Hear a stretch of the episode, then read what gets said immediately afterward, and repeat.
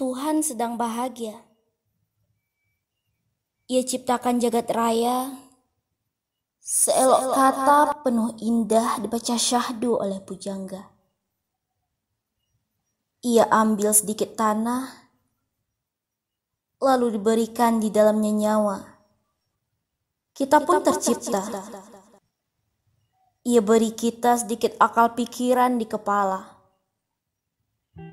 Agar kita tak sama dengan hewan melata atau bunga-bunga syafana. Namun, apakah kita ini sempurna? Banyak sekali kekurangannya. Kita mempunyai hawa nafsu di dalam raga. Kadang mengendalikan hingga akal tak berfungsi dengan sempurna. Ketika ujian diberikan Tuhan, kita malah marah dan tidak mampu menyelesaikannya. Tetapi Tuhan sedang jatuh cinta. Ia tak pernah marah.